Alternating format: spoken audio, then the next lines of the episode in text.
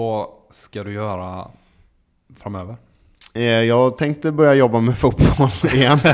Eh, nu har jag, som jag sa, jag förberett mig för att göra det.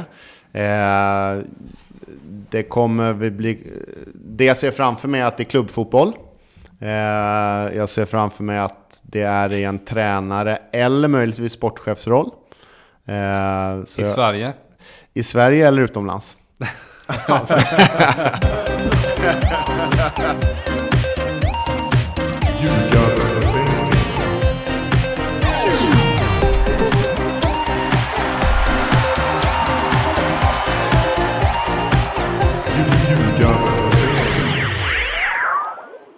allsvenska säsongen är slut men ljugarbänken kommer till er ändå. NordicBets podcast om allsvensk fotboll den här veckan i form av ett specialavsnitt. En intervju med den tidigare Malmö FF-tränaren Magnus Persson. Jag som pratar nu är inte Mårten Bergman som ni hör, utan eh, eran absoluta favoritklippare av favoritpodd, Martin Gustafsson, eh, rycker in lite här för att presentera dagens avsnitt lite kort. Ett avsnitt som inte innehåller herr Bergman utan bara Erik Edman och Mattias Lindström. Eh, herrarna får det stora ansvaret att sköta intervju själva. Och eh, om jag får säga det själv tycker jag faktiskt att de sköter det väldigt bra. Många intressanta samtalsämnen i ett väldigt intressant samtal med Magnus Persson. Exakt vad eh, herrarna pratar om hittar ni i beskrivningen här under podden. Med det återstår bara för mig att eh, önska trevlig lyssning. Idag hälsar vi Magnus Persson välkommen till en liten off-season specialare med ljugarbänken. Stort välkommen. Tack så mycket. Vad gör du idag? Vad har du gjort sen eh, den 20 eh, maj? Googlade jag fram att du slutade i Malmö efter Trelleborgsfighten. Vad har du pysslat med? Mest varit med eh, familjen.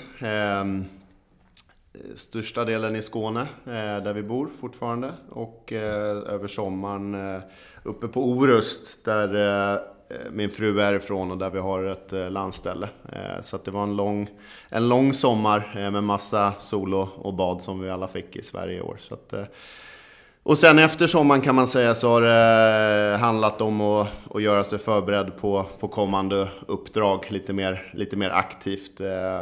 Och ehm, det är väl som i den här branschen så dyker det upp möjligheter lite eh, ja, när som helst egentligen. Och det har varit nära någon gång här. Och Eh, och det har varit sådär nästan lägen också och man har liksom behövt sätta sig in i, i olika möjligheter. Så, att, eh, så jag skulle säga att sista två månaderna så har jag, har jag gått och gjort mig klar för att eh, börja jobba igen.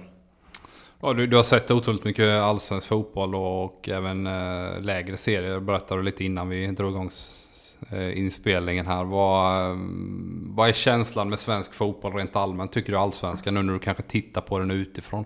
Jag tycker svensk fotboll är, eller allsvenskan tycker jag är bra idag. Eh, jag tyckte precis som det här ett och ett halvt året jag hade i Malmö, om man tar då, jag var ju borta i, var det tre eller fyra år, fyra år var det nog från Allsvenskan där innan jag förbundskapten i Estland. Jag tyckte det hände enormt mycket de åren eh, i form av att eh, det blev betydligt alltså, nya, nya spelsätt, eh, fler sätt att organisera laget, mer vad ska man säga, variation och utveckling av sättet att träna, träningsmetodiken. Och det tycker jag man ser idag, att det är på plan så är det mer intressant. Det, det, det är inte bara att de flesta lag spelar, är organiserade på samma sätt, utan det, det händer mycket mellan matcher, under matcher. Eh, teamen har blivit större som gör, alltså runt lagen som gör att, att produkterna har blivit bättre. Och sen är det ju ett enormt intresse. Alltså jag menar, var det över 50 000 nu på, på Friends? Jag menar, det, det är klart alla kan ta 50 000, men det säger ju allt att eh, det är en häftig produkt. Däremot så kan man ju säga då att tittar vi då på Superettan och Division 1 som jag sett lite också så, så tycker jag att det är redan är eh, det är en enorm skillnad på fotbollen där. Eh, den, den är långt efter allsvenskan idag. Det kanske är så det ska vara, men, men det är väl bara en, Eh, så det är just nu. Mm.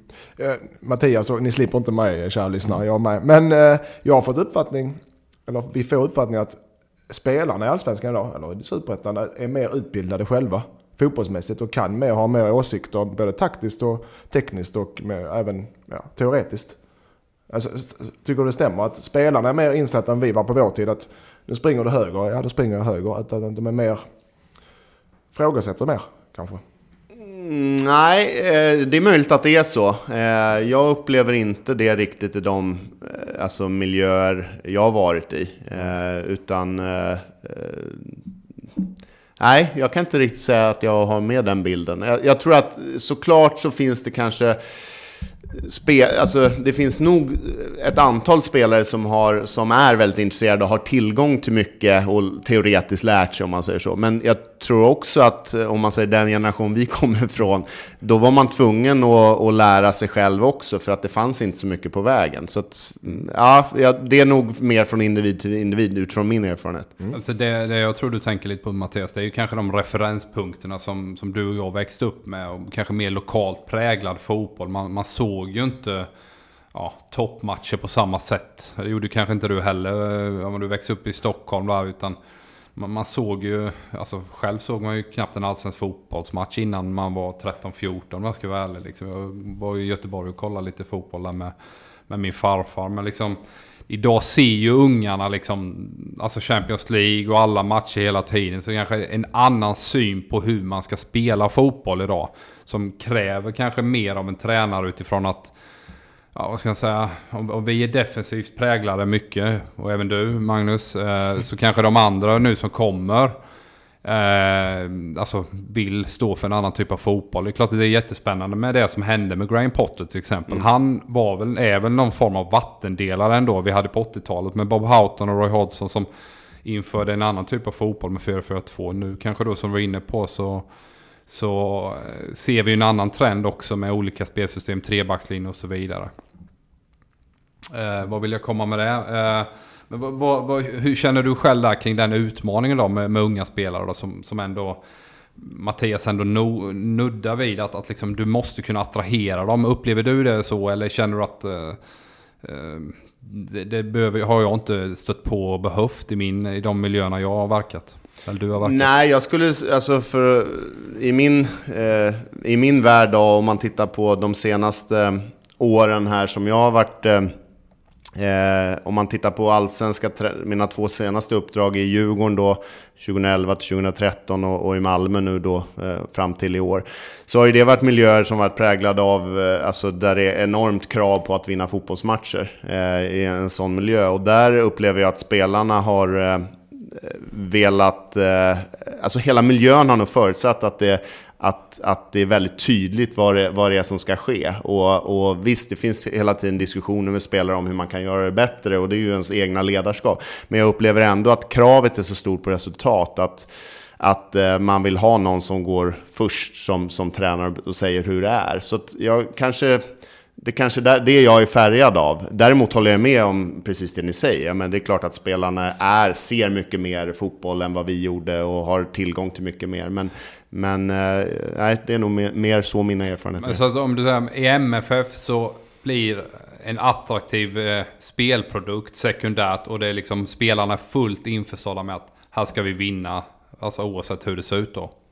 Ja, alltså MFF har ju tydligt att man vill dominera spelet och ha bollen och vara en dominerande... Alltså det är ju tydligt i liksom arbetsbeskrivningen som, som spelare och, och framförallt tränare har. Eh, så är det. Men, och det är klart att det finns enormt mycket fotbollskunskap hos spelarna i MFF. Men om vi tar, då tar de unga som kommer upp, alltså på något sätt där handlar det om att anpassa sig till, till den nivån. Och, och, och, då vill man ha så mycket råd som möjligt av, av eh, tränarna och veta vad, vad ska jag göra här för att kunna konkurrera. Så upplever jag det. Men om, det rättar man mig fel, men när du var i Malmö så tunnade ni av truppen, gjorde mm. truppen mindre, tog upp yngre spelare för att ha dem som backup. Mm.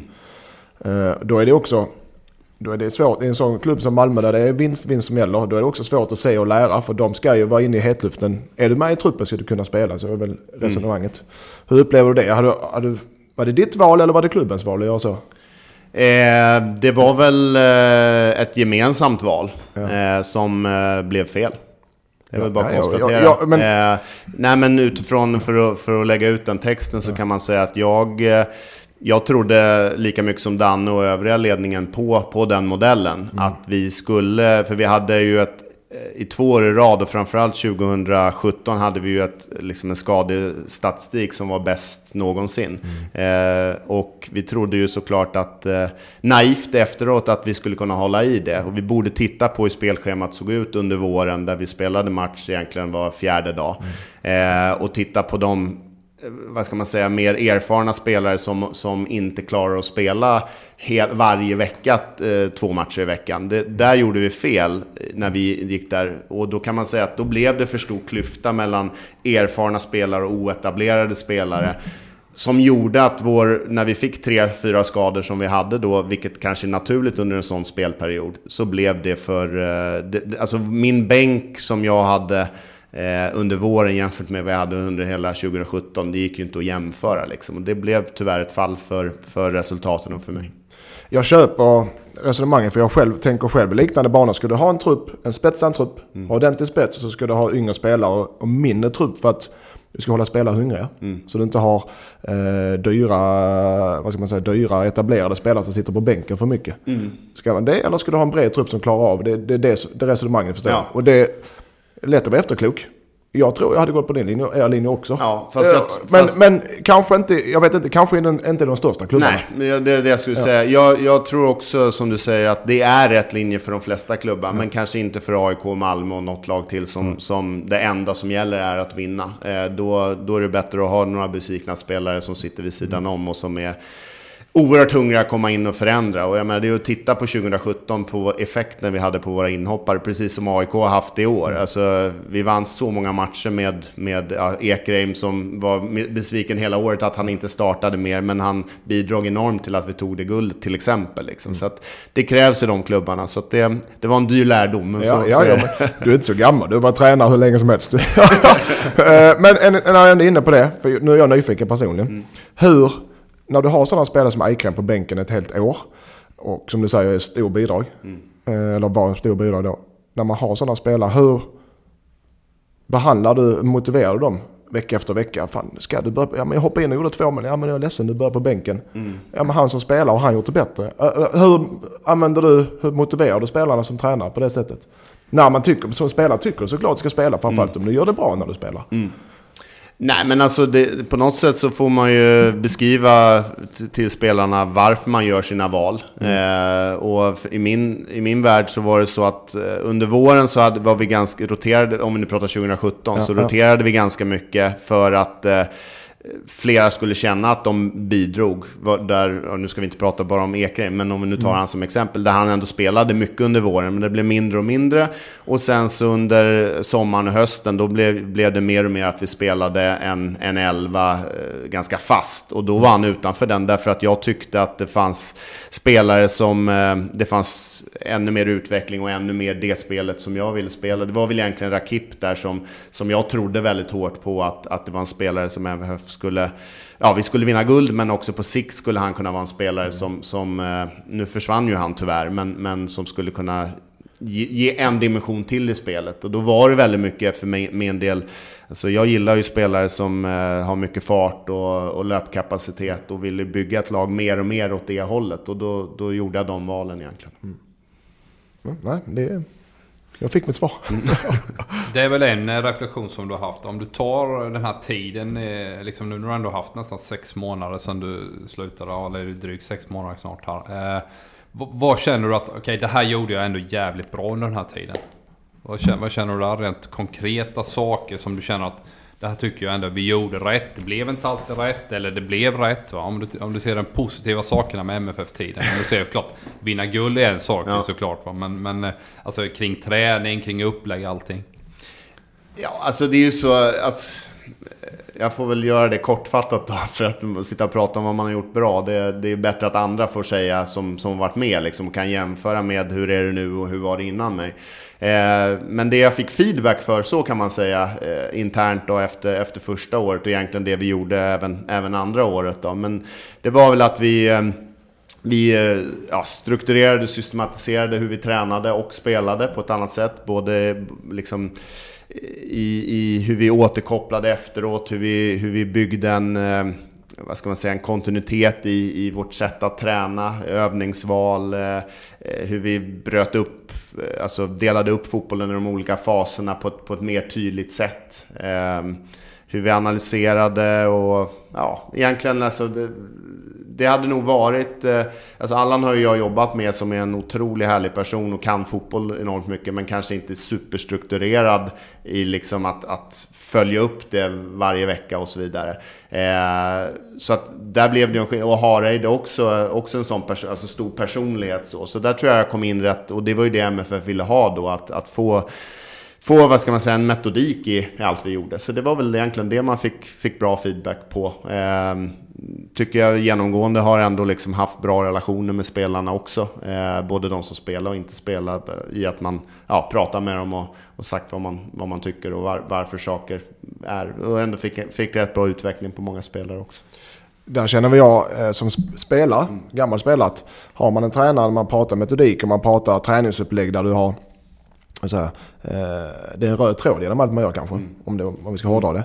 Har man kött på benen som tränare så blir det oftast accepterat från spelargruppen. Mm. Ja, du vet exakt vad du säger, vad du gör och hur du tänker. Det här ska vi bygga på, det här ska vi jobba för och hur ska vi göra det? Så här, pang, pang, pang. Då får du respekt i spelargruppen på ett helt annat sätt än att bara sticka, Nej, upp, sticka upp fingret och köra. Alltså jag jobbar ju väldigt hårt. Mm. Det är väl en, ja, det liksom, tid, en styrka så. Mm. Alltså jag, är grundlig liksom och lägger väldigt mycket tid och, och, och, och, är nog ganska duktig på att liksom få det logiskt också för, för spelare. Mm. Eh, sen kan man säga en stor utmaning jag hade som jag ändå är nöjd med att vi lyckades med. Det var ju på något sätt det här som, ju, som jag tycker eh, Rössler har varit duktig på att ta vidare och utveckla ytterligare. Det är ju egentligen MFF, när jag kom var det fortfarande sådär våga gå ifrån ett 4-4-2 som ändå i MFF har varit väldigt, väldigt starkt. Liksom. Och där tyckte jag vi hittade ganska mycket under min tid att på något sätt höll vi kvar det som, som någon slags organisation men det var inte det vi gjorde. Vi var, blev mer och mer flexibla i olika hur vi mötte nästa motståndare och så vidare. Och där kan man säga att det var ju och då får man ändå betänka att Marcus Rosenberg är en spelare som, som har spelat väldigt mycket med två forwards och trivs väldigt bra i det. Och eh, den viktigaste spelaren i hela truppen. Att liksom hitta ett sätt där, där, där man liksom får spelarna nyfikna utan att man eh, går för långt i det. Eh, det tyckte jag vi lyckades bra med. Och blev liksom ett lag som, det var väl tre matcher vi inte hade liksom en dominans i bollinnehav och även, även om man tittar på expected goals och så vidare under, under hela 2017. Och det, det, så såg det ju inte ut 2016 trots att man vann då också. Så det var väl ett rätt stort steg vi tog. Men en konkret grej där, är det att till exempel att du kantrar en backlinje lite ja. grann med Tinnerholm som flyger upp och kanske Safari som sitter lite mer eller? Ja, nej men det var ju liksom, det var ju på något sätt får man ju alltid när man går in i ett tränaruppdrag titta på vilka spelare man har. Så det var ju ganska enkelt val egentligen att, att göra på det sättet. Och det, har ju, det är ju ganska identiskt hur det har fortsatt nu då, även om man kanske nu jobbar med en tre eller fembackslinje eh, ännu mer tydligt än vad vi gjorde så, det, så, så, ser man ju att det är klart att Berang Safari är ju oerhört bra när han får vara lite mer balanserad i sin ja, vänsterback eller, eller vänster mittback. Då. Då, det såg jag också när jag kom och då gäller det att få ut det. Det är ju nummer ett som tränare att liksom läsa av vilka spelare man har. Men om du, när man släpper så som med Tinnerholm vi pratar om, tar du då naturligt en yttermittfältare från, på vänster blir det då? Som är högerfotad som kommer in mer centralt för att stödja mittfältet? Eller fortsätter du med en kantspringare där? Kantspringare, men... du förstår vad jag menar. Alltså, som du själv var som spelare. Alltså, tar du in en högerfot som, så det blir en högerfot som yttermittfältare? På högersidan ja, framför honom? Nej. Nej. Nej, på, tvärtom på vänstersidan. Så ja. du får in mer centralt då. Är du högerfotad så på vänster så drar du den mer centralt, både försvarsspelet och anfall kanske. Ja. Gör du såna, gjorde du sådana drag då också? Eller var det... Ja, nej, det var ju mer spelaren. Alltså där, där hade vi lite olika spelartyper till vänster ju. Ja. Eh, det var ju... Jotun spelade ju där, han tog ju den platsen och gjorde det otroligt bra. Mm. Det var ju en vänsterfotad spelare. Mm. Eh, och han och Berang hittade ju ett fantastiskt samarbete. Och sen var det ju lite olika spelare som fick pröva på det när han försvann. Men sen blev det ju Berget som tog den där. Eh, mm. han var väl inte supersugen på, på den där rollen, även om den passade honom helt, helt perfekt. Ja. Liksom, så. Det förstår jag inte själv riktigt. Men eh, vem hade du framför Tinnerholm där? Eh, det var Rakip som ja, spelade mm. mer indraget. Ja, då har han inåt ja.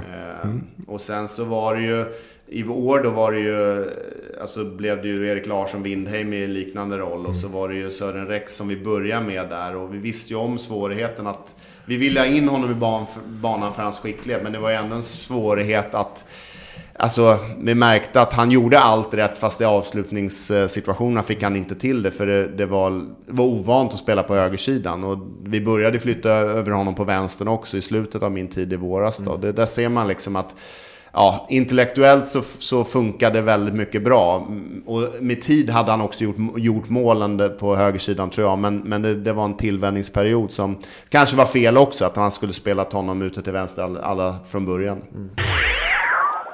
Om du reflekterar lite kring det som, om man tar någonting som du hade velat göra annorlunda idag då liksom. Det ja, finns det säkert massa saker där också som man känner med facit i hand och så vidare. Men alltså någon konkret grej där då liksom. I Malmö menar du? I MFF ja. ja.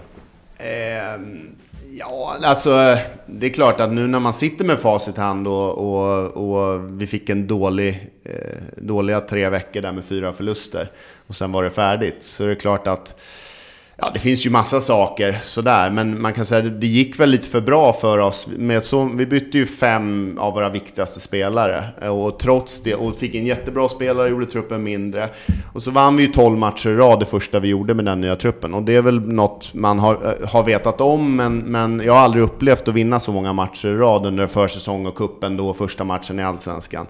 Eh, men det är ju inte bra när det går för bra. Alltså så är, nej, men så är det faktiskt. Och framförallt när det har bytt så många spelare. Och jag, jag pratar ju om det här, det här är ju ingen efterhandskonstruktion, utan det här pratar jag ju med liksom internt om redan då. Det här är inget bra, det som händer. Därför att det jag fick uppleva och vara med om i MFF, alltså den här vinnarmentalitet som man pratar om och som folk avskyr som inte, som inte håller på MFF.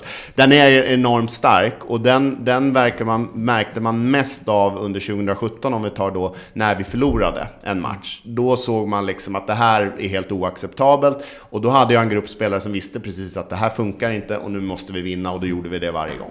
Mm. Eh, det var ju den stora farhågan att, att vi hade alltså spelat i drygt tre månader och inte fått uppleva det trots att vi inte hade varit så himla bra. Alltså, men, men tillfälligheten gjorde att vi vann alla de här matcherna.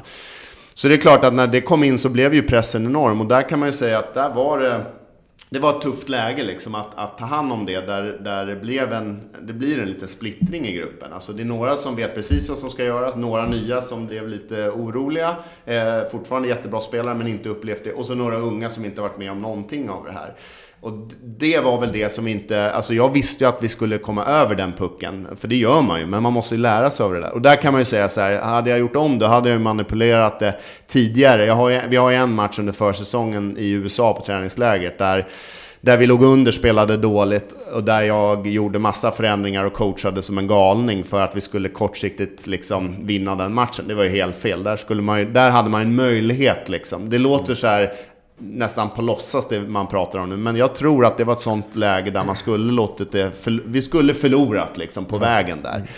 Eh, vilket vi inte gjorde. Så det är väl en sak. Sen är det klart att om jag tar mitt egna ledarskap så kan man säga att eh, jag...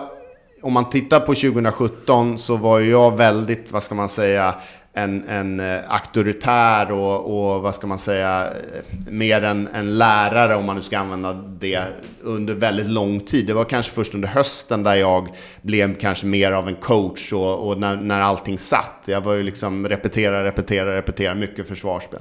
Jag tror att 2017 så var jag på ett sätt då för varm i kläderna, att jag, jag höll i det, det kanske bara en och en halv, två månader innan jag blev kanske mer åt det här coachande hållet. Innan vi började igen då tyckte jag, att när allting gick bra så rycktes jag med det också. Där jag blev kanske för flexibel i i liksom hur lösningar på plan eh, och även i mitt förhållande liksom i, i, att det blev mer för coachande. Och det är klart att när det då kommer en dålig sen, när, som det jag precis beskrev, resultaten blir sämre, trycken blir större. Då är det svårt, även om jag liksom backade mitt ledarskap och gick tillbaka till mina sista två veckor egentligen och igen gick in och försökte liksom styra med hela handen och var väldigt, väldigt tydlig på det sättet så, så var det för sent då. Mm. Så det är ju igen det här med situationsanpassat ledarskap. Alltså lärdomen av den är ju liksom att i vissa miljöer, vissa klubbar så tror jag mer eller mindre måste man det kanske säger emot det vi har lärt oss i tränarutbildningen, men jag tror att man måste det, det måste gå väldigt lång tid innan man liksom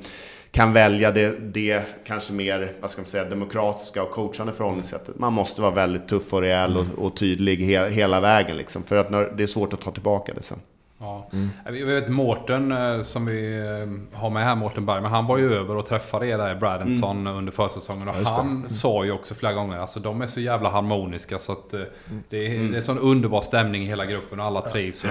Så att, Alltså min, min parallell, eller min, mitt exempel är ju alltid Bayern München där liksom. Det är nästan att de mår ju bra av mm.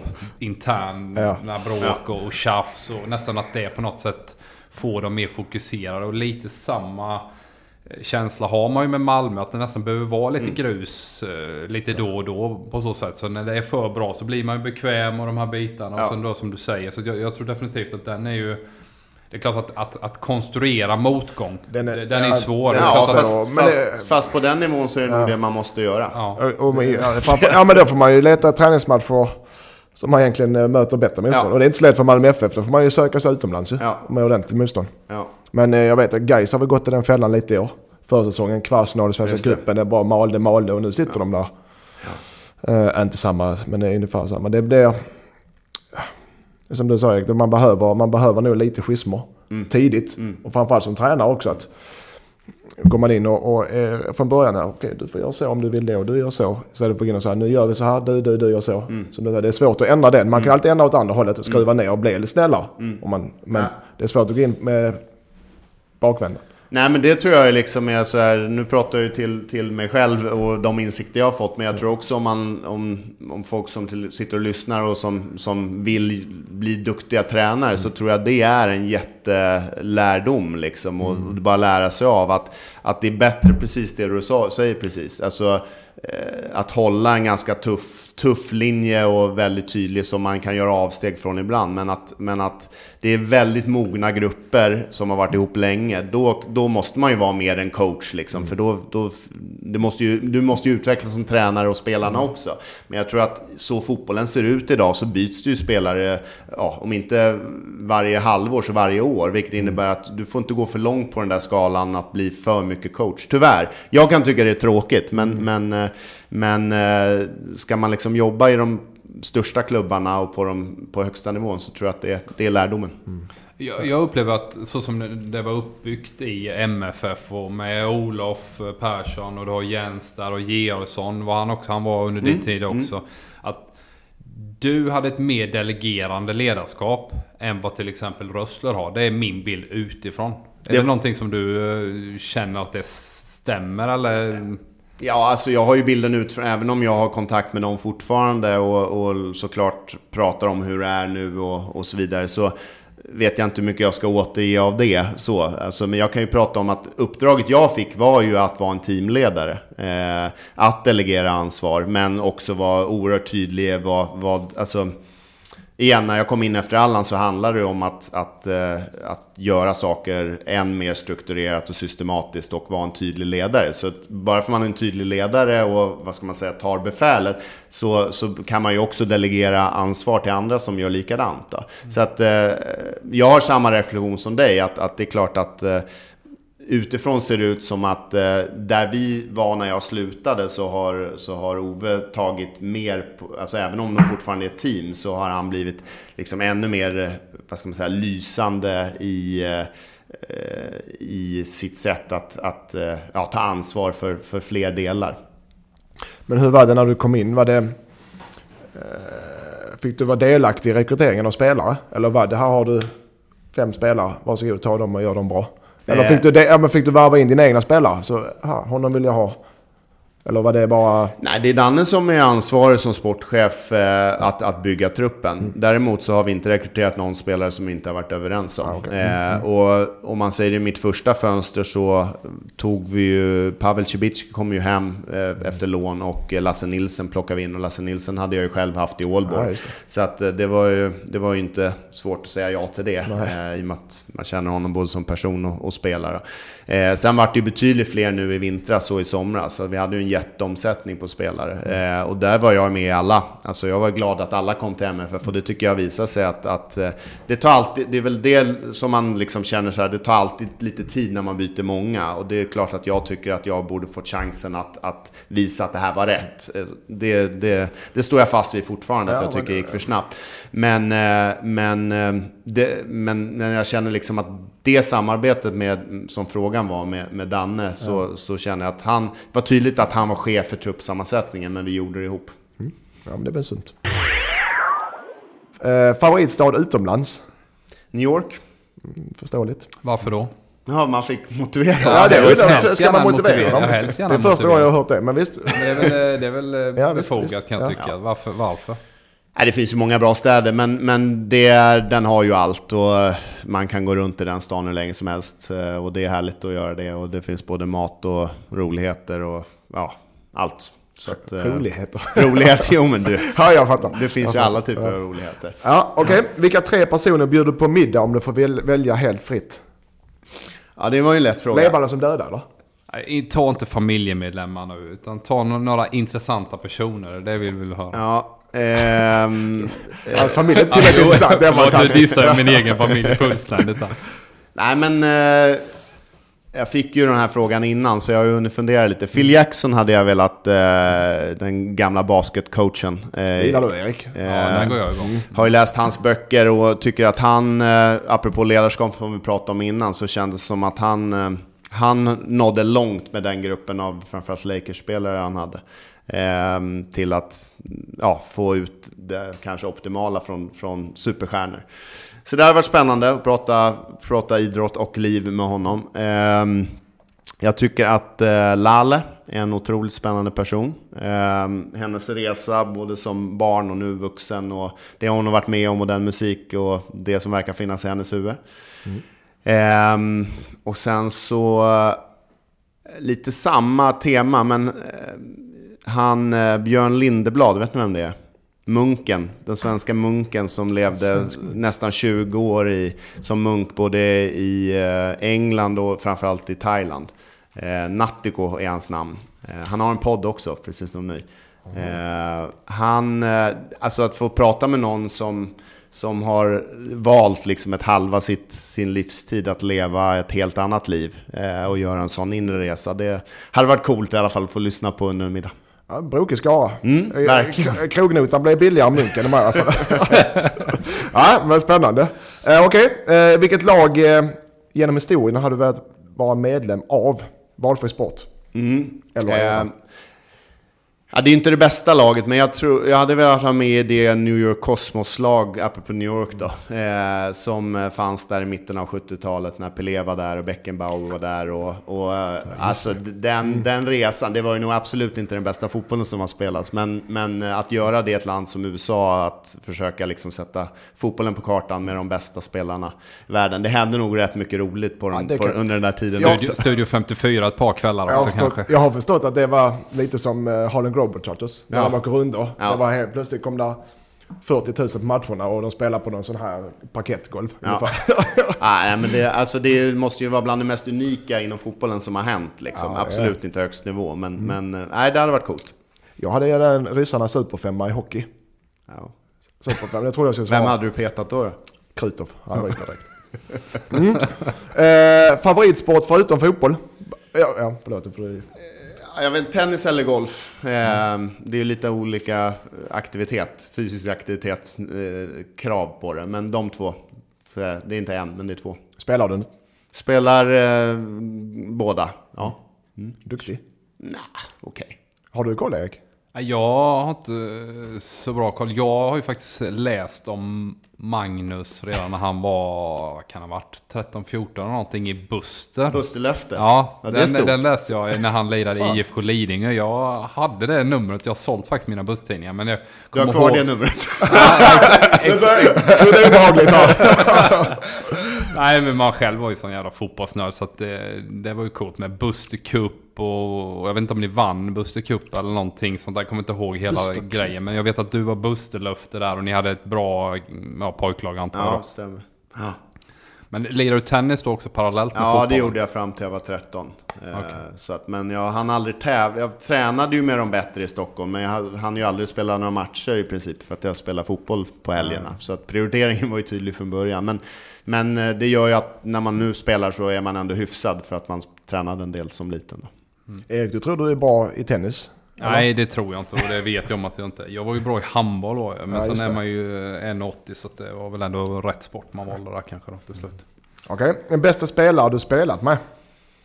Ehm, ja, jag skulle säga att den som var bäst just där och då, det var Andreas Andersson i Göteborg 97. Innan han gick till Milan den våren när han gjorde tänka mig. Mm. 14 mål tror jag på 12 matcher. Eh, och jag var, ju ska, jag var ju med under försäsongen innan jag blev skadad, så jag hann ju inte spela några tävlingsmatcher med honom. Men så överlägsen någon har varit, och då ändå i, i ett IFK Göteborg som var väldigt, väldigt bra.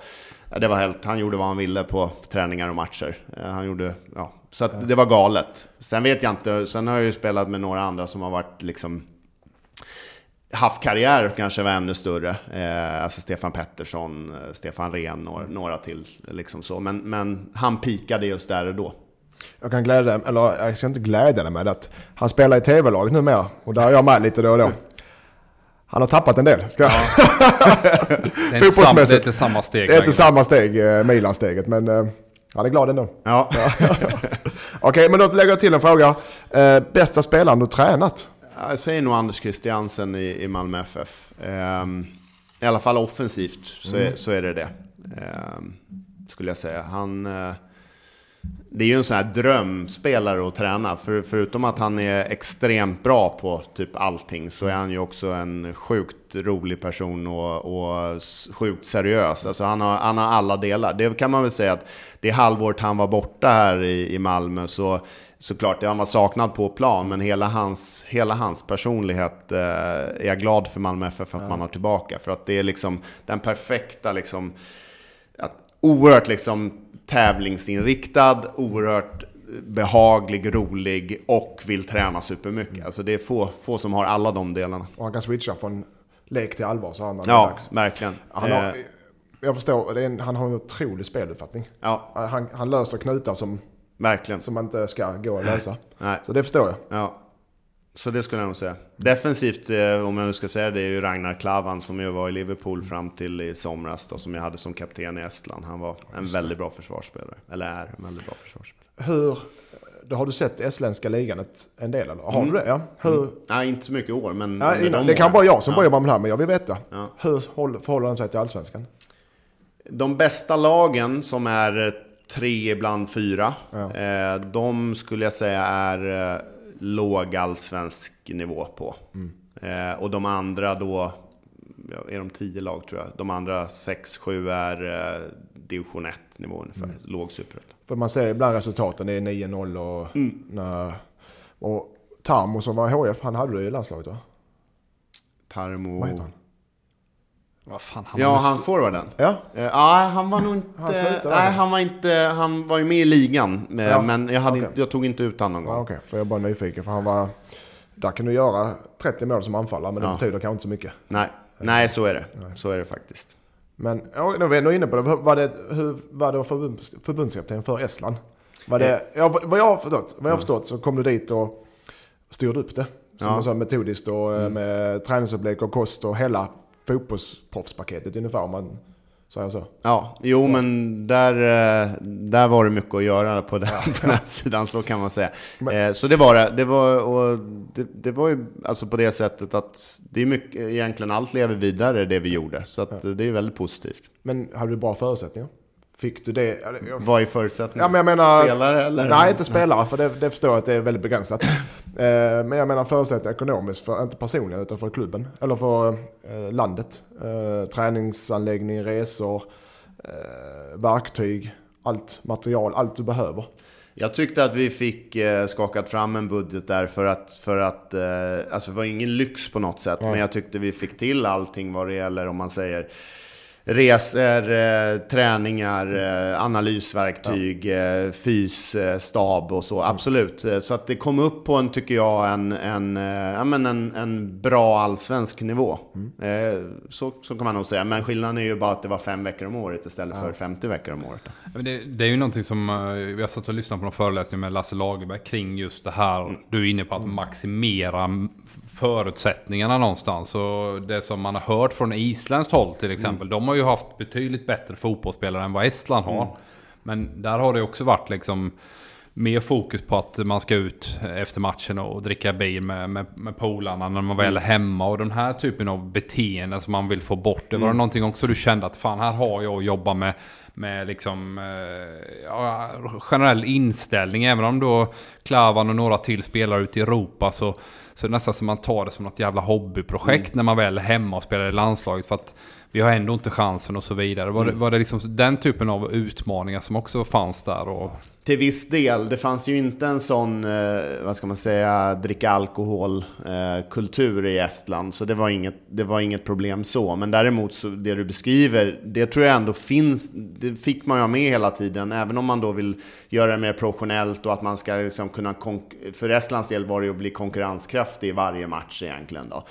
Eh, mer än att, alltså i någon slags ytterlighet skulle man kunna kvalificera sig då. Men, men det är ju det är svårt. Eh, men så var det ju att hitta den där balansen ändå, att det fanns...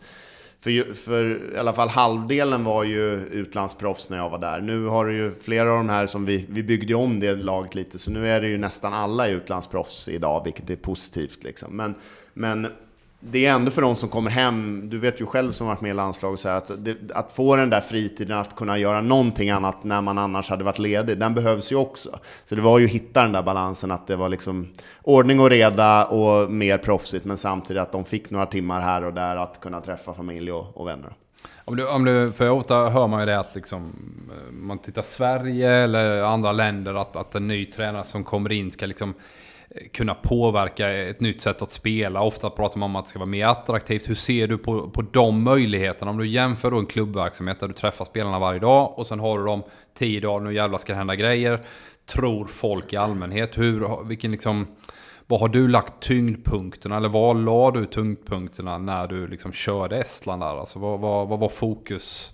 De få liksom taktiska pass man faktiskt kan ha där då? Ja, nej men alltså, det är ju, det man fick lära sig var ju att man kan ganska snabbt, om man skalar av och väljer väldigt få saker att jobba med, så kan det få ganska snabb effekt. Eh, det fick, hade man ju med också in i jobbet som klubbtränare nu, så den erfarenheten är ju super. Liksom, att eh, liksom få, få någon slags eh, struktur på saker är inte så... Det behöver inte ta så många träningspass om du sen kompletterar det med video, video och, och gör det på ett väldigt liksom, effektfullt sätt. Då. Så att, men, men igen, om du tittar på, på mm, landslagsfotboll så är den ju, det är sällan den är så attraktiv. Och det beror ju på att det enda man hinner på de där dagarna är ju att sätta ett försvarsspel som ger trygghet. Och sen sätter du spelare i rätt positioner som de är vana vid.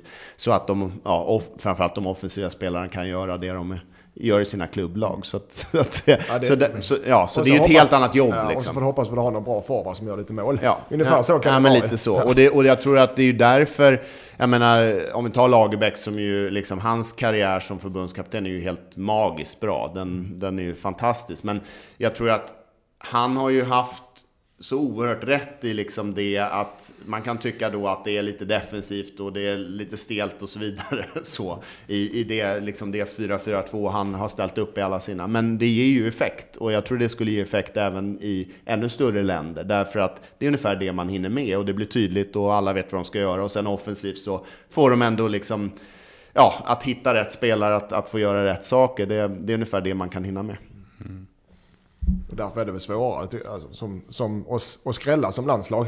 För de, de är bäst spelarna och vinner oftast i längden. Mm. Så kan man säga. Förutom Grekland när de vann EM. ja. Ja, och i, men Island är ju väl Island, också jo, men Island får, jo, jag håller med dig. Men de har ju en del bra Absolut. lirare också såklart. Verkligen.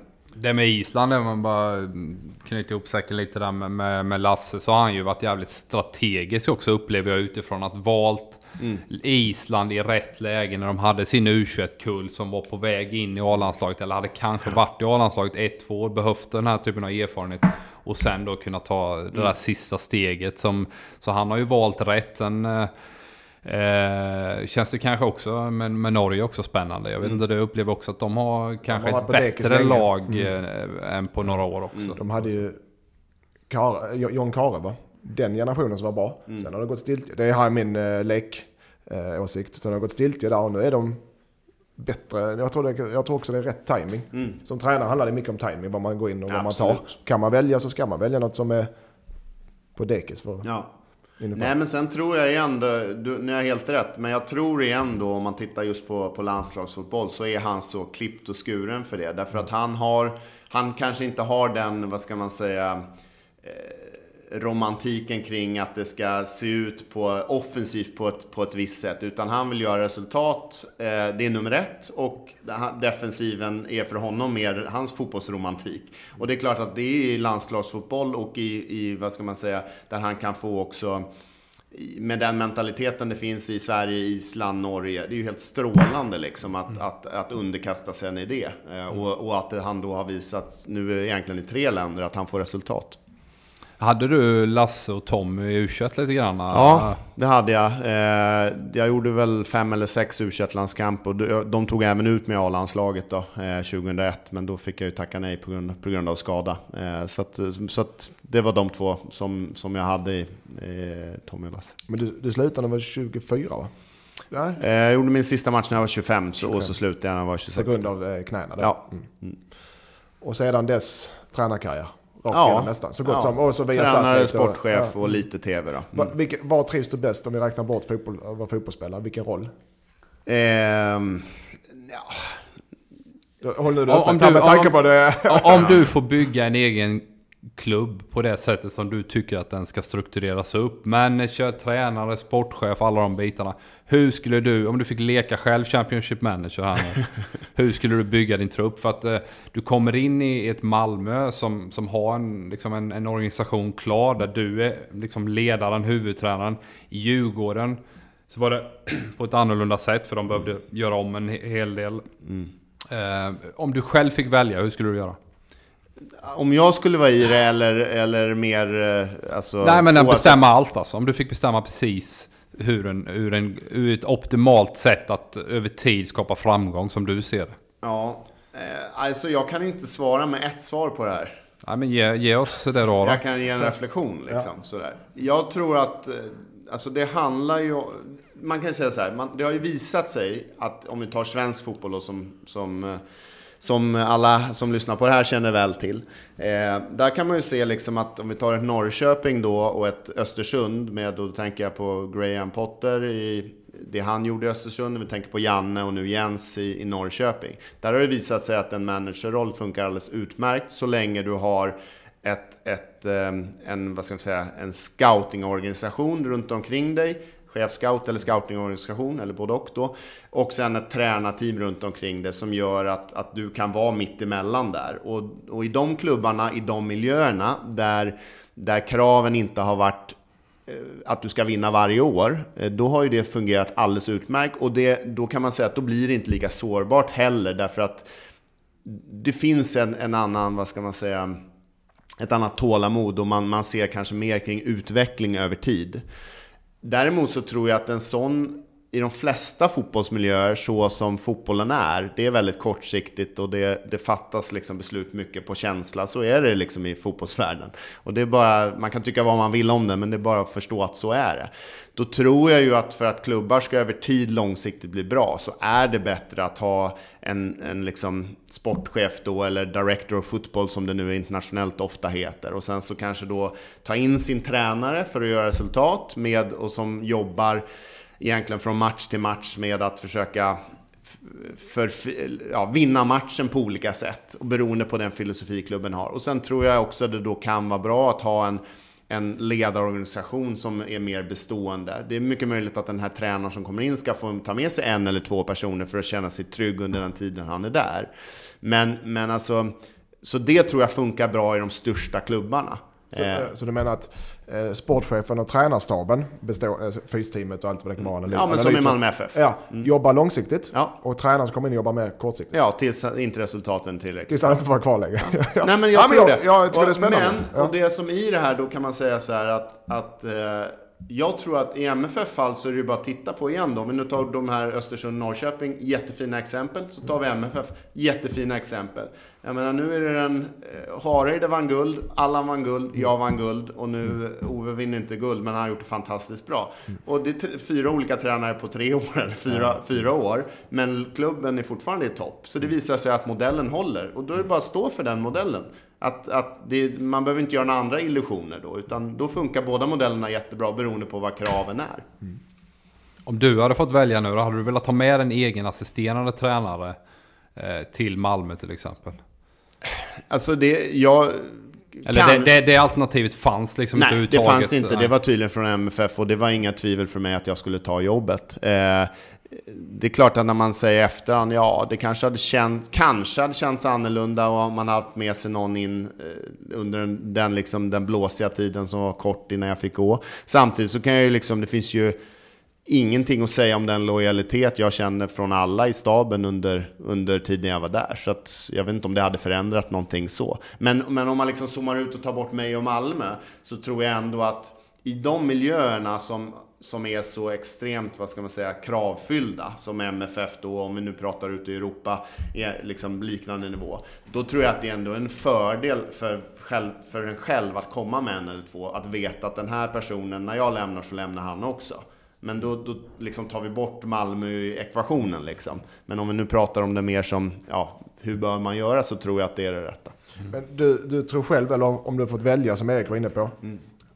Hellre jobbat i en klubb som Östersund eller Sundsvall, eh, ta bort klubbnamnen och där man får jobba kanske under, okej nu har du tre år på dig.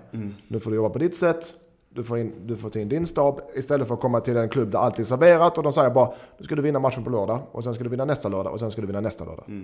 Då, ditt val hade varit den första va? Näst, nästan alla tränarens val kanske. Nej, alltså det där, jag är ju precis i den situationen nu. Nu förekommer jag kanske någon fråga. Vad ska hända liksom framåt? Och det är väl precis de liksom, frågorna jag har i mitt huvud. Och jag, jag är öppen för båda delarna. Alltså på något sätt så blir man ju... Eh, ja, det finns en del. Jag vill göra ett sånt projekt som du nämner, där man vet att det finns lite mer tålamod och där man kanske också har en managerroll som jag tror att liksom med rätt personer runt omkring mig hade varit otroligt kul att få göra ett sånt långsiktigt projekt. Det vill jag göra innan jag slutar, slutar med fotboll. Det är helt säkert. Men däremot igen, alltså det finns ju vissa jobb som jag, man känner ändå så här, jag vet att det här är ett självmordsuppdrag, men det jag får uppleva under det här halvåret eller ett året eller två år, eller kanske tre år. Ja, man vet- alltså, man vet aldrig så, som- så igen, jag menar, jag vill inte ha ogjort, om vi tar MFF var ju ett sånt uppdrag, jag visste precis vad det handlade om. Sen är det klart att när du har varit där ett år och vunnit guld, då tror du, då skenar man ju kanske iväg själv och tror att man har ändå skapat sig eh, liksom längre tid innan man får gå för att man har ändå bevisat någonting. Men det är ju bara för att så är det inte i de här klubbarna. Alltså det räcker med två, tre förluster, så är det. Jag menar nu när man följer det här från utsidan, när man har varit liksom eh, via agenter då, vet att man är bland kandidaterna för att ta över. Det har varit rätt mycket, några olika alternativ så ska jag säga, ute i Europa. Där man sitter på andra sidan och vet så här, ja då får man ju höra precis det. Ja, förlorar vi en match till då kommer vi sparka honom. Ja, man hör på andra sidan. Och då, då menar jag så här, med liksom en färsk erfarenhet i Malmö och så hör man det nu. Då vet, jag vet precis hur det funkar och på något sätt så blir man ju... Det är bara att fatta att så är businessen. Och Liksom. det, det, att det spelar ingen roll vem som är tränare eller hur man är som människa och det kan vara världens bästa tränare, världens bästa. Förlorar man i storklubbarna så ryker man. Mm. Ja. Även i Sverige. Ja, Så, är det, det, så är det. så är det väl i alla. Ja. Men är där, är där, har det varit förfrågningar inom, i Sverige senaste tiden? Då? Ja, det, det, Erik, Erik sa jag skulle fråga det. Ja, alltså jag passar faktiskt Två på... ledigt. eh, så. Ja, precis. Där finns det en Ja, du kan passa på det. Ja, nej men jag har faktiskt, även om jag nu sa att det har funnits alternativ utanför Sverige så, så kanske det har funnits det i Sverige också. Men jag, eh, alltså jag vill inte kommentera det innan, innan någonting någon gång blir klart.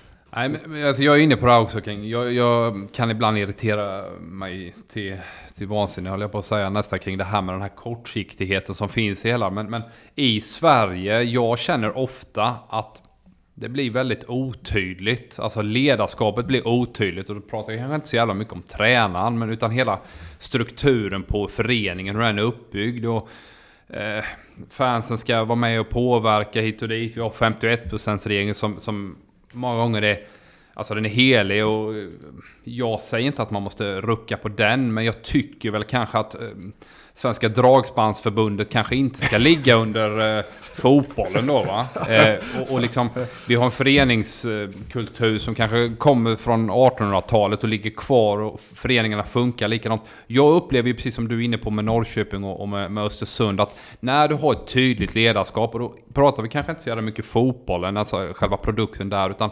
utanför med Kindberg så kan man tycka vad man vill om honom och Hunt är likadan, han, han styr den här klubben med järnhand. Mm. Då får du en tydlighet som jag ofta har upplevt, i alla fall de klubbarna utomlands jag har varit i, så finns ett tydligt ledarskap. Du har en ägare, sportchef och sen kommer tränaren. Så det blir en tydlighet. Här hemma i Sverige så upplever jag alltid att det är liksom för många kockar som är med och petar. Är det någonting du känner också liksom kring, framförallt då när det kommer motgång? För det kommer ju alla klubbar oavsett om du ska vinna guld eller ska åka ur serie va? Mm.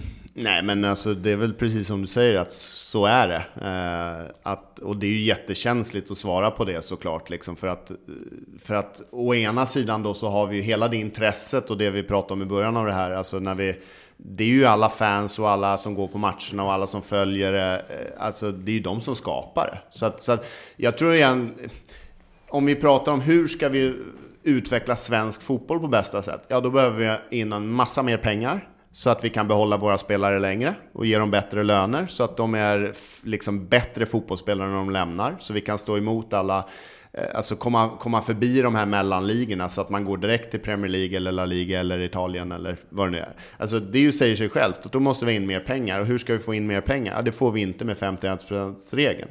Så att har vi det som fokus då är det väl självklart att, att jag är motståndare kring det. Och jag tror också vi kan nå en större tydlighet med att vi har ägda klubbar på det sättet. Men samtidigt kan man säga så här att det vi har här uppe är också ett unikt på ett annat sätt. Och, och det är klart att om det är det vi vill värna om och som vi idag värnar om, då, då kanske vi inte når samma Eh, vad ska man säga, samma optimering av fotbollsutvecklingen. För det blir lite mycket intressekonflikter här och där och, och, och det blir kort, ännu mer kortsiktigt och det finns för lite pengar. Men det är egentligen ett val. Liksom. Just nu mår ju allsvenskan väldigt bra. Det kan vi ändå, alltså utvecklingen på allsvenskan har ju varit fantastisk. Så att, igen, jag kan liksom... Eh, det är klart att som, som, som en som jobbar i det så är det klart att man hade kunnat förorda mer den...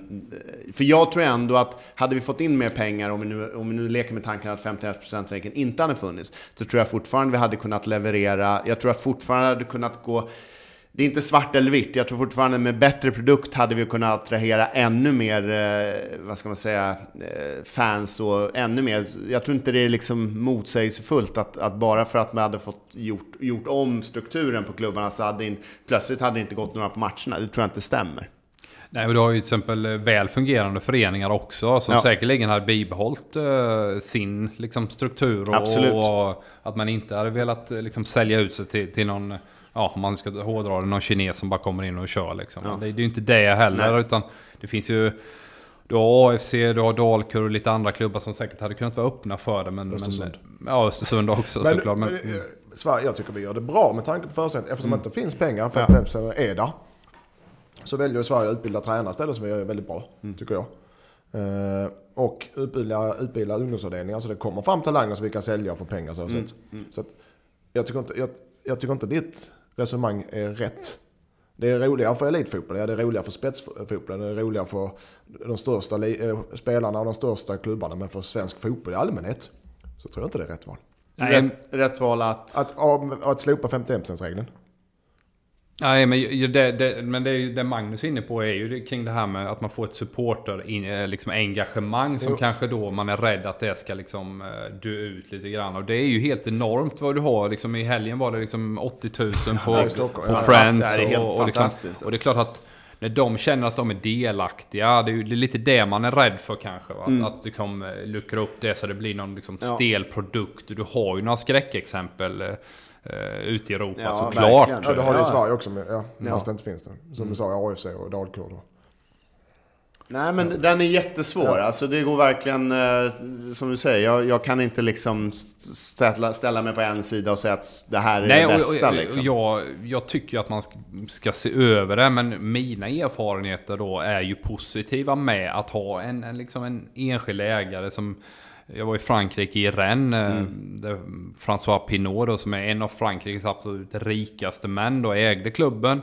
Men det var inte det att han skulle bara köra och liksom ta in spelare till höger och vänster. Och, utan det fanns ju liksom en långsiktig plan och framförallt då på ungdomssidan där de under de åren jag var där så hade de i alla fall blivit eh, bästa akademi i fem år. Det var ju varje år att en tre, fyra egna spelare flyttades upp och faktiskt det är ju också skillnaden där ute att, att liksom de juniorerna som kommer där de är för fan redo att spela i franska ligan. Det är ju det ofta vi har problemet i Sverige att vi plockar upp två och det, det är knappt att de färgar i en allsvensk eh, match liksom. va? Eller färgar, de, de klarar inte en allsvensk match. Så det, det är den här nivåskillnaden som, som Magnus är inne också på. Att Jo, vi förstår. kanske hade kunnat komma runt med sund- bättre Ja, men utbildade en spelare som vi kan hålla längre. Han är ren då, han är en sund, precis som eh, jag pratade med Granqvist om deras ägare i Krasnodar. Också sund och jobbar, eh, eh, gör, eh, bygger med ungdomsavdelningen och lägger alla pengar i det. Och I och träningsförutsättningar, allt för det. Men så har du skräckexempel, eller jag kan ta mig själv när jag spelade Österrike. Liten skitliga men dock många rika ägare. Där är en klubb som kurs varje år, så gott som. Vår klubb var styrd av en stor bankman. Ja, det var inte tränaren som tog ut laget, så kan man säga. Så att det, där finns ju både bra och dåliga exempel. Det handlar väl om, precis som med spelare och tränare och allting, det handlar om fingertoppskänsla. Vem är rätt att styra klubben? Det, för har, Ja, du pengar, jag- har du jag- pengar, har du pengar, ja då kan du gå in och göra vad du vill egentligen. Om, du, om vi ska hårdra det så kan du göra precis vad du vill. Och är det då fel person på fel plats, då går det åt helvete. ju. Ja, men jag är också inne på Magnus linje kring att det finns liksom inget svart och vitt här. Nej, utan det nej, finns jag- ju många olika gråzoner som funkar mer eller mindre Ja. bra här va. Jag bara resonerar. Ja, ja, absolut. Ja, ja. nu, är vi, nu är Magnus gäst, nu ska vi prata med honom. Vi ska inte vi sitta och tjafsa. Ja, men om vi pratar lite eh, tränarskap eh, och liksom det, det snackas om Raimo Verheyen till exempel som har varit på tapeten kanske eh, ja, snart i 6-7 år och han åker runt och kör föreläsningar och spyr ut grejer på Twitter och vad, vad, vad tycker du egentligen om du generellt, vad, det stoffet han står för? Hur resonerar du kring det? Har du varit på någon av hans föreläsningar? Mm, jag är väl nog den som har gjort mest utbildningar hos honom av våra svenska tränare. Och jag var först också 2010 eller 11.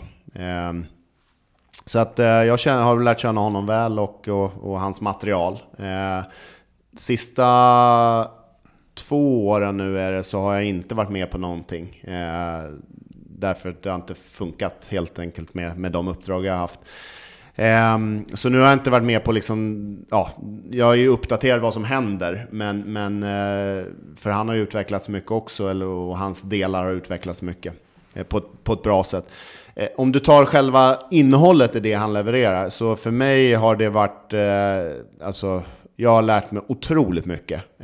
Alltså hur systematiskt, liksom, hur, och tydligt hans, hans metodik är och den periodiseringen, hur man balanserar träningen och, och så vidare. Och det började ju från början, var det ju en, en väldig, vad ska man säga, fokus på alltså fysiken i fotboll. Det var ju där han började. Medan då om taktisk periodisering som kommer från portugisiska skolan som ju börjar i spelet och fotbollen. Men där kan man ju säga så här att han har ju sen dragit sig helt åt det hållet och väldigt mycket kring psykologi och, och taktik egentligen idag. Det är ju det han föreläser mest om idag. Så att för mig var det ändå så här, nu har det ju hänt mycket på, på svensk tränarutbildning på, om man säger på pro-license högsta nivån då. Jag gick ut den 2010 och det var första kullen i den, ny, den nya pro-license då. Men, och där har det hänt jättemycket på vägen vet jag. Men, men det är klart att där får man ändå säga att det jag har fått ta del av hos honom på, jag vet inte hur många utbildningsdagar jag har haft hos honom, 50 kanske, också motsvarande en pro-license. Så är ju det på en enormt hög nivå, det han levererar. Sen sättet han levererar det på är ju väldigt osvenskt. Och, och eh, hela liksom, han är ju väldigt, eh, vad ska man säga? Eh, Han är holländsk. Ja, holländsk och, och alltså, går ju gärna liksom i, i, jag ska inte säga konflikt, men alltså han, han, eh, ja, han är färgstark på ett sätt som ju inte tas emot så bra överallt.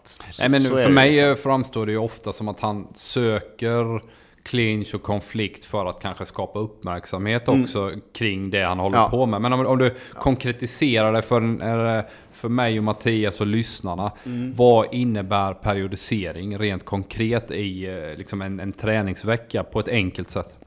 Det är ju att balansera veckans aktiviteter på alla plan. Alltså fysiskt, taktiskt, socialt, eh, mentalt då. Eh, men, alltså, men, allt, men där fotboll är fokus i allt. Alltså de här fyra delarna jag valde nu, det är inne i fotbollen. Det vill säga allt, allt egentligen som görs ska balanseras under veckan så att man ska över, alltså prestera när matchen kommer men också över tid ha en progression på, på lagets utveckling. Så skulle jag säga.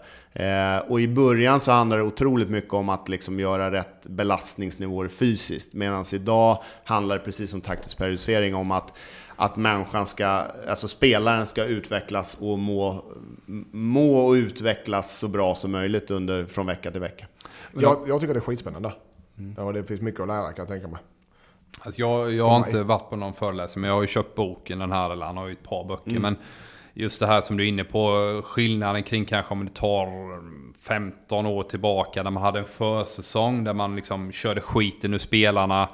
Januari, februari, mars och sen var man toppad till seriestart, där han kanske då progressivt utvecklande för att faktiskt hålla de liksom bästa spelarna på träningsplanen så att de får samköra och bli samspelta och att man liksom ja, man balanserar på gränsen men man, man, man vill ju inte gå över den gränsen. Det är ju känslan. Mm, Och, absolut, helt rätt. Eh, om du tar den 80-talstränarna så, så var det ju det liksom. Det är som min farsa brukar säga liksom. Ah, men de, de tränar stenhårt nu. Det kommer de ha nytta av i höst liksom. Ah, men fan, kondition är också en färskvara liksom. Så att eh, hela tiden hitta balansen att, att var ligger gränsen för vad spelarna tål va?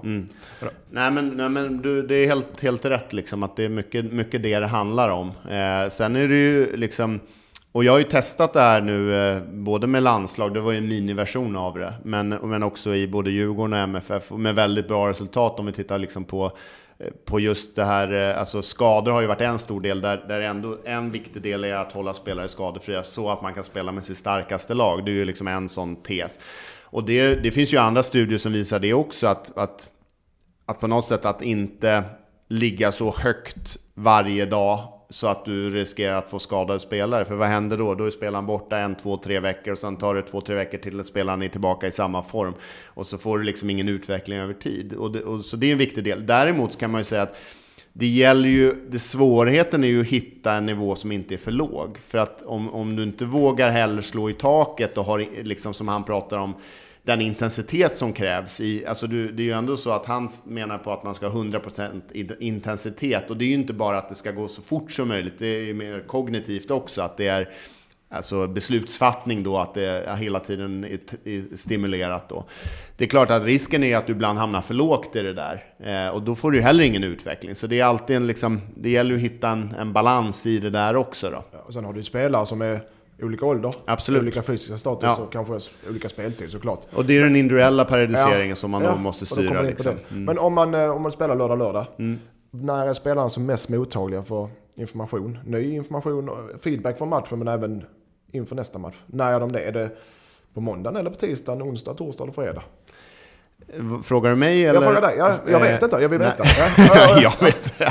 Nej, men alltså min erfarenhet är att eh, det, det är... Eh, det är ofta, nej, jag, jag, jag, har, alltså jag är lite flytande i det. Därför att om man säger så här, på ett sätt så kan det vara väldigt viktigt, alltså får du in en systematik att du, att du eh, dagen efter eh, jobbar igenom matchen, eh, vad som har hänt och lärdomarna därifrån, så du kan lämna det och sen gå vidare, så, så, är det, så är det rätt bra att göra på det sättet. Du tar, om du tar hockeyn, som kan, kan man ändå, det är inte fotboll, men det är en hockey som spelar hela tiden vart, varannan, var tredje dag. Liksom. Där måste du göra så. Det finns liksom inget sätt att lära något om, om du inte gör det. Nu är ju inte fotbollen riktigt så, men men, men däremot varför jag är flytande är ändå så här att ibland känner man att spelarna är inte, om det har gått för bra eller det har gått för dåligt, så är de inte supermottagliga dagen efter. Utan det kanske är först dag två, dag tre man kan göra någonting. Så jag, jag, alltså, jag har testat liksom olika modeller så här, liksom stenhårt genom min tränarkarriär och gått liksom på en linje. Men jag, man hamnar i att ju mer man får erfarenhet, ju mer så känner man så här, okej, okay, det finns några saker man får hålla sig i. Mm. Eh, som är viktigt för en. Men du måste ändå känna in någonstans när är det rätt att göra rätt saker. Alltså att det blir ändå den fingertoppskänslan, men du måste bygga den på erfarenhet. Du kan inte bygga den bara på fingertoppskänsla. Nej, liksom. men, eh, och gäller det även om du har, ni möter, man har match på lördagen? Man ska ha någon taktisk aspekt eh, gentemot motståndet. Tar man det, tycker du man ska ta dagen, dagen innan? Eller två dagar innan?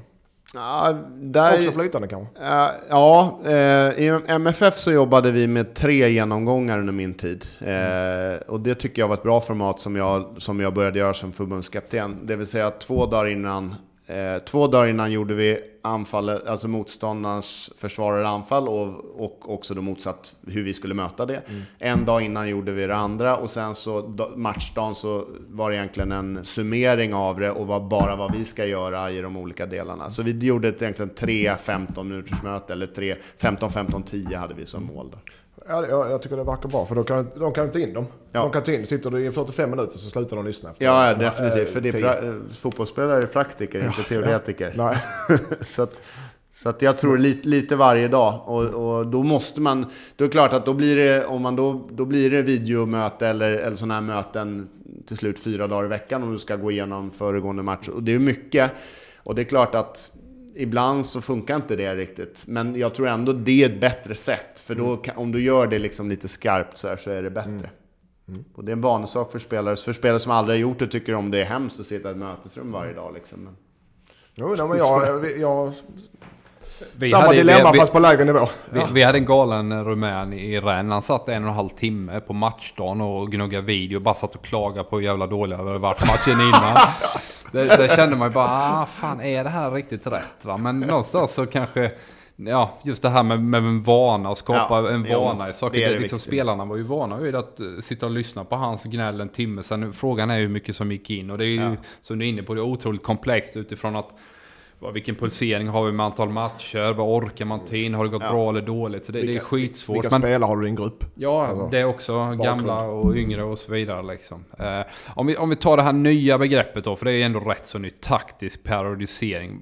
Vad innebär det rent konkret liksom, i en vardag också? Om vi nu har gnuggat för Hejens eh, periodisering, vad är mm. liksom tillägget med taktisk periodisering? Nej men jag säger idag, idag är det precis samma sak, alltså för Hejen och taktisk periodisering. Eh, därför att det är precis det han gör i och med att han, som jag sa, han började, han började fokusera på det fysiska, men idag så är det taktisk periodisering bara att det är hans modell. Då. Så det är exakt samma sak, bara att de kommer från, från, från början från två startpunkter, men idag är det samma sak. Så det, det handlar egentligen om att du utgår alltid från spelet, eh, det vill säga ditt, ditt, ditt sätt eh, du vill spela, de beteenden och, och, principer du vill ha och sen så är det det du tränar på eh, un, under veckan egentligen då. Eh, med fokus då på, på olika delar och olika dagar. Alltså, eh, igen då att ja, men, vissa, vissa dagar så vill du kanske fokusera mer på, på eh, vad ska man säga, aktioner som är väldigt eh, kraftfulla eh, och då gör du det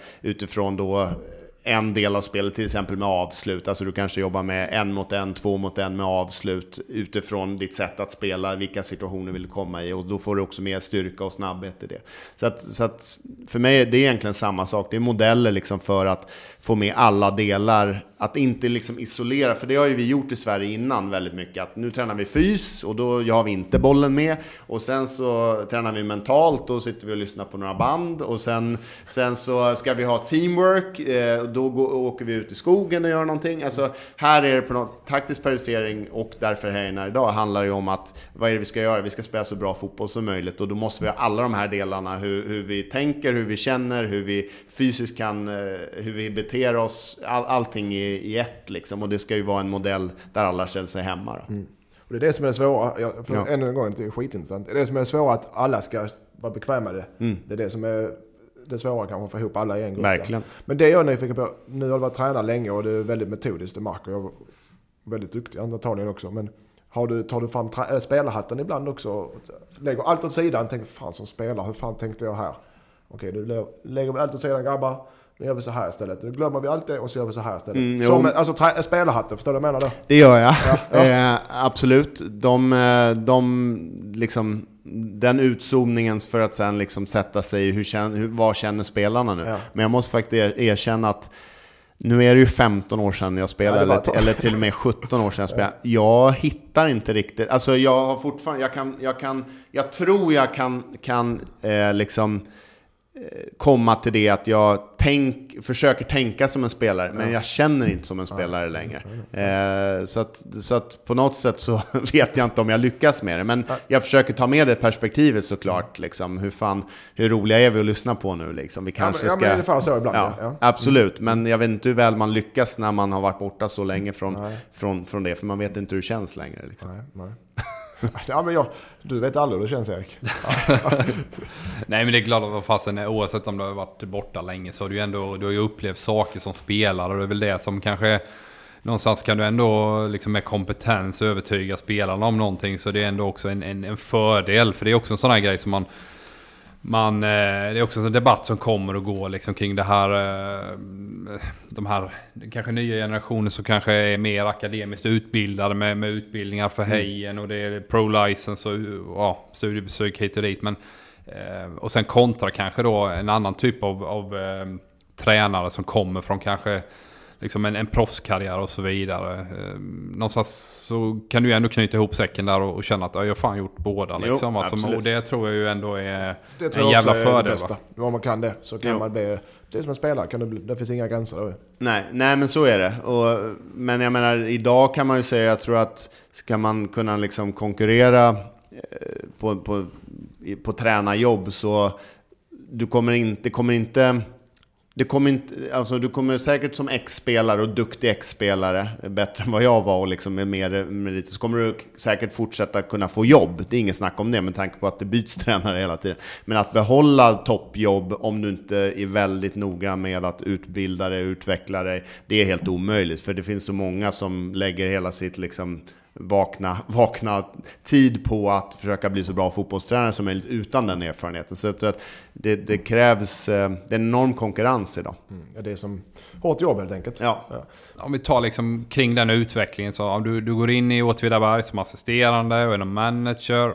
Tillbaka till Stockholm, eller då Sirius var det. Och sen första riktigt stora uppdraget får man ändå säga Gais va? Eh, om, om du ser tillbaka. Eh, ja, vad är 2009? Åtta. 8, förlåt. Eh, det är ju ändå tio år sedan. Vad, vad känner du liksom när du, om, om du kunde säga till dig själv nu, tio år senare. Vad hade du kanske liksom gjort annorlunda eller vad hade du tryckt ännu hårdare på kring, kring det? Alltså hur, hur känner du själv att du har utvecklats? Du har ju pratat mycket om det här med erfarenheten och, och liksom utbildningar och, och sådana saker. Men om du liksom ser tillbaka, Gais-jobbet När du gick in i det, det var ändå, alltså du var otroligt ung. Det var ju bland de yngsta tränarna någonsin. Man snackar Bob Houghton 26 och sen är det ju nästan du va? Ehm, ja, vad sa du? Vad var frågan? Nej men alltså, vad, vad, hade du ju, vad, vad hade du kanske sagt till dig själv här nu? Tio år, om du kunde spola tillbaka och kunna prata med dig själv här i det första jobbet. Alltså det är väl som, som sådär, då var jag dryga 30 va, när jag fick det. Eh, ja, 32 var jag. Ehm, och då är man ju liksom, det, ju, det kan man ju se då, det har kommit upp några, några tränare som, eh, som är i den åldern då. Alltså Poja som nu kom till Göteborg och det finns ju några till liksom så. Eh, nej men man, i den åldern så, eh, in, också innan jag, om man tar mig själv då igen, så, så innan man fått barn och sådär, man är ju Alltså även om jag nog alltid har varit en person som reflekterar och liksom, eh, ja, sådär, vill vara väldigt grundlig, så är man ju ändå i den åldern ganska liksom oförstörd. Man, man kör ju bara och, och man tror väldigt hårt på det man, det man gör, för man har inte gått på några smällar egentligen. Då. Så att, eh, Känner du då, för det var lite det jag ville komma till också. Känner du att du med tio års erfarenhet har blivit mer pragmatisk? För den känslan jag har med unga tränare som kommer idag att man har en tydlig bild hur man vill spela. Och jag kan väl också känna igen med det där att man, så här ska man spela fotboll. man så, va? Att du med tiden har eh, liksom reviderat dig själv. Ja, men det har man ju. Alltså, just för att man har lärt sig massa, både praktisk erfarenhet men också mycket liksom utbildning och, och de människor man har jobbat med. Så att det är väl igen det där som jag är inne på. Det är väl att man fattar att man, eh, man kan ju spela fotboll på massa olika sätt. Eh, och på det sättet, det handlar ändå om att ofta handlar det om att vinna. Det är ju ändå därför man spelar fotboll. Det är ju liksom hela essensen av fotboll. Men däremot så finns det ju olika typer av jobb som, som egentligen, alltså vissa jobb är mer utveckling och vissa är bara resultat. Men, men liksom vägen till de olika, det finns så många olika vägar. Det finns liksom inte något facit vad som är rätt. Det är väl det man har lärt sig. Alltså både att man får en respekt för att det går att göra jobbet på olika sätt, samtidigt som man på något sätt förstår att eh, det finns Alltså, det finns några saker som man måste göra bra för att det ska fungera. Och den, den, det har man ju inte där och då. Däremot så är man ju ändå... Jag tror jag det året var väldigt så här... De spelare jag pratade med efteråt som man hade då för tio år sedan tyckte ändå att man var liksom väldigt sådär tydlig och rak och, och så vidare. Ja, för att jag hade en idé som jag trodde stenhårt på liksom, och då, då körde man den. Nu har Djurgården och Malmö stora, mm. stora Sveriges största, bland Sveriges största klubbar. Känner du dig det kommer mycket kritik, kommer mycket beröm och mycket kritik. Mm. Tar du åt dig? Ja men det gör man ju, absolut. Ja, men, men, man, har du mått dåligt? Som, mår man dåligt som människa? När det kommer sådana enorma, för det är så mycket folk som är involverade. Nej, då, alltså, det är klart att det har funnits stunder under de här åren jag har varit tränare liksom, eh, som har varit liksom, bottenmärken på det sättet. Men inte dåligt på det sättet att jag inte har känt igen mig själv. Alltså, inte på det sättet. Men, jag eh, menar, förlåt om jag avbryter, ja. men jag menar, bör man vackla i sitt sätt att se som tränare. Började vackla på, fan jag kan, kan jag, rätt, är det rätt val jag gör så? Kan jag tillräckligt? Börjar man vackla? Nej, inte på det sättet. Nej. Utan nog mer i reflektionen liksom, så när man har haft sina pauser då, när man har fått, fått, fått gå från jobb. Som om mm. vi tar i Malmö nu igen då, som är det färskaste. Liksom. Så, så är det klart att efter det så blir man ju mer, inte under tiden. Alltså då har jag känt mig liksom, det är klart att man alltid liksom involverar sitt team och man funderar och man, vad är rätt beslut? Men ja. det är nog mer efteråt så här, Ja, det är en jävligt tuff bransch. Ja, alltså, det... den är, eh, alltså man tycker så här, man har, det är väl det man kan känna ibland, att man har, man har ändå gjort det här jobbet nu ganska länge, mm. 15 eh, år. Eh, och blivit liksom okej okay, duktig på det, så med den erfarenhet man har skaffat sig. Och att man ändå då kan känna att, att att man är, det är så lite värt. Alltså det kommer nya jobb, men det är så... Vill man vara med i den cirkusen? Och så kommer man fram, ja men det vill man. Alltså, eh, men man blir ju mer och mer cynisk i det då, och kanske pragmatisk också i att det handlar liksom om att det är nästa match, vinna den och det, det här med utveckling över lång tid om du tränar. Den, det är ett kort perspektiv hela tiden. Liksom. Och annars ja. får man välja en annan roll. Ja, liksom. bra, det är mer det då. Då får man välja mer, ja, om det är sportchef eller andra roller i fotbollen, om man nu inte vill vara det. Liksom. På den nivån du är, på den nivån mm. du rör dig, så är det ju mm. tyvärr nog så att det, ja. det gäller att vinna matchen. Ja.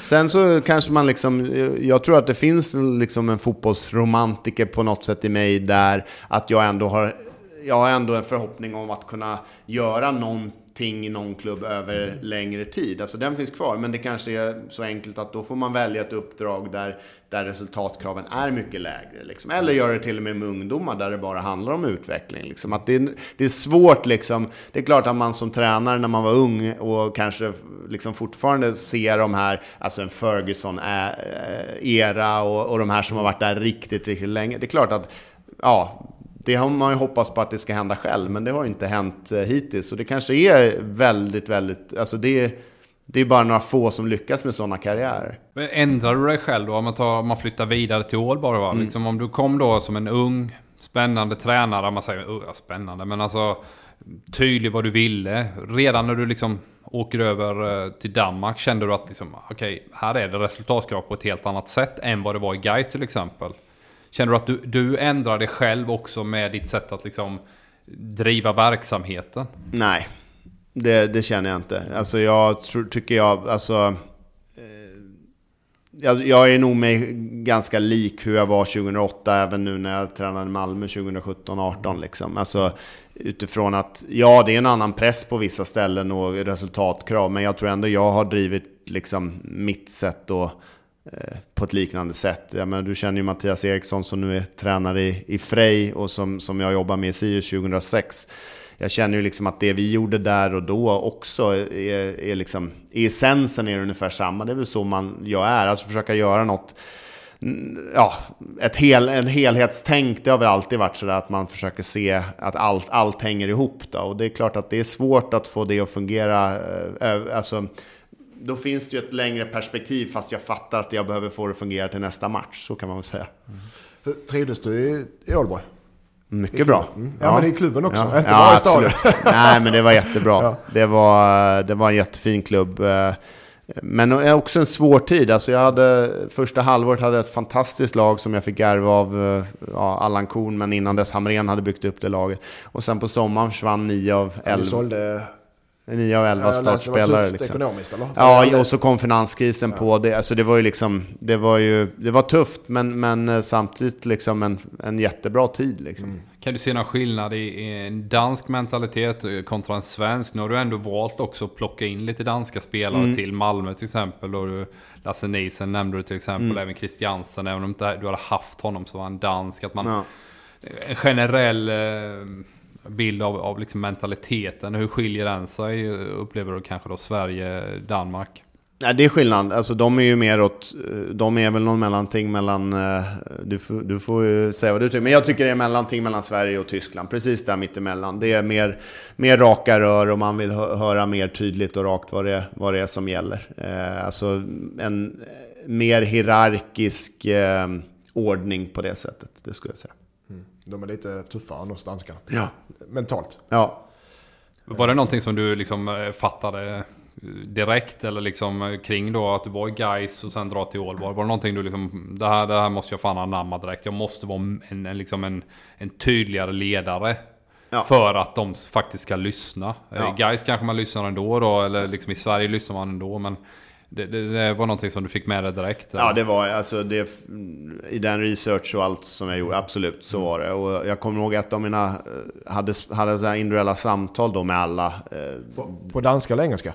Ja, någon mellanting där. Jag, jag försökte mig på att prata någon skandinaviska och det, det, det kan man ju efteråt fundera på om det är rätt liksom. Alltså, Ja, jag, jag, vet inte själv kan jag säga. Nej, jag, jag, Jag hade inte gjort det idag. Alltså idag hade jag antingen valt att prata svenska och de som förstår förstår eller så hade jag pratat engelska. Men, men att gå in och liksom och prata ett språk där man själv hela tiden försöker, försöker liksom lära sig prata danska men det, det, man låter som man inte är helt funtad liksom. Jag tror inte det är så bra för en Nej, så. jag kan hålla med dig till viss del. Eh, Du menar respekten Ja, jag menar det, att man inte hittar urvattnad på något orden, sätt. liksom. Ja. Det låter som du är 12 när du pratar ungefär. Ja, men lite, Ja, lite ja, ja, så. vad fan så är det. Eh, så att, eh, men där var det ändå som mitt första halvår var det engelska, eh, för vi var så många internationella spelare. Och sen, eh, sen då, efter ett halvår vart det mer dansk prägel och då blev, blev det någon skandinaviska. Då. Men i alla fall, jag brukar ju ha individuella samtal med alla spelare när jag kommer till, till alltså få en 10-15 minuter med alla bara för att få prata med, med alla face to face. Och, Och då hade jag ett samtal med en av de yngre spelarna som eh, var ett av de första samtalen jag hade. Och då så sa han det att eh, Eh, ja, så hade vi pratat lite om ja, vem han var och vad, vad han hade för förväntningar och så här. Så han sa, men du, jag skulle vilja veta här, eh, nu är vi ju, om vi då var 25 i truppen, jag vill veta vilket nummer jag är på i truppen. Och det var för mig liksom, det var ett av de, då fattade man liksom, om, om en 19-årig spelare kommer och frågar mig om var i hierarkin han är exakt. Det är klart att det, det säger någonting om, jag, jag har inte varit med om det, att en svensk spelare har frågat på det sättet. Liksom. Ja, men skit, skit i vem jag är och hur jag mår, var är jag just nu? Och de Liksom. klarar av det. De klarar ju av svaret. Eller de flesta Ja. gör det. Ja, du är Ja. här, du är längst ner. Ja. Okej. Nej. Nej. Ja, du behöver inte gå ut med namn. Eh, Men ja. Hur gick det för er? Ni var ute i Europa i slutet till Deportivo. Mm, det började ju väldigt bra, vi slog ut Deportivo och sen förlorade vi på straffar mot City, så det var ju Så en var det. härlig, kul och härlig start. Vi har surrat på här nu en och en halv timme. Om vi ska knyta ihop säcken lite då. Mm. Vad ska du göra framöver? Eh, Jag tänkte börja jobba med fotboll igen. Eh, nu har jag, som jag sa, jag förberett mig för att göra det. Eh, Det kommer vi bli... Det jag ser framför mig är att det är klubbfotboll. Jag ser framför mig att det är i en tränare eller möjligtvis sportchefsroll. Eh, så I jag- Sverige? I Sverige eller utomlands? Men hur håller man, ja, hur håller man sig uppdaterad? Man ser mycket fotboll, man följer med i vad som händer och man, man, det är så man håller sig redo. Ja, eh, ser, eh, jag har sett en, som en del svensk fotboll då. Eh, för att liksom hålla koll på den här marknaden. I och med att när jag var i MFF så var det ju bara fokus på de spelare jag hade. Jag, alltså förutom när det väl kom ett konkret namn så tittade jag på, på spelare. Så att på något sätt få en bild av vad det finns för spelare i svensk fotboll. Om det blir ett, skulle bli ett jobb i Sverige. Ehm, Och sen sett en del internationell fotboll, försökt få liksom, igen då, jag, när jag var tränare i förbundskapten så så såg jag väldigt mycket fotboll för att få inspiration. Det hinner man ju liksom inte med när man ska se sina egna matcher och motståndare hela tiden. Så, där. så att försöka liksom få en omvärldsanalys på det sättet. Och sen så blir det alltid, tycker jag, så här mellanjobb att man reviderar liksom sitt syn på på spel, ja, en spelmodell, träningsmetodik och så vidare. Hur, hur försöka få ihop det ännu bättre då. Alltså mm. förfina det. Så att, eh, så, ungefär så. Men, men antagligen säger vi då så har, finns det något innan eh, jul då? Som... Det, ja, som det ser ut nu så tror jag att eh, inom några veckor så vet ja. jag vad jag ska göra. Men det, det, får vi ja, se. Ja, ja, det blir så. Mm. Ja, har du något mer Mattias innan vi stänger boken? Nej, det är, jag är väldigt nöjd och personligen också väldigt nöjd. Ja, att jag, får, ja, jag får en massa kunskaper ju. Stort tack Magnus. Tack. Lycka tack. till tack. Eh, framöver och hoppas det blir klart om några veckor. Ja, tack. Hej då säger vi också. Ja, till våra lyssnare. Hej då. Hej då. gör man väl.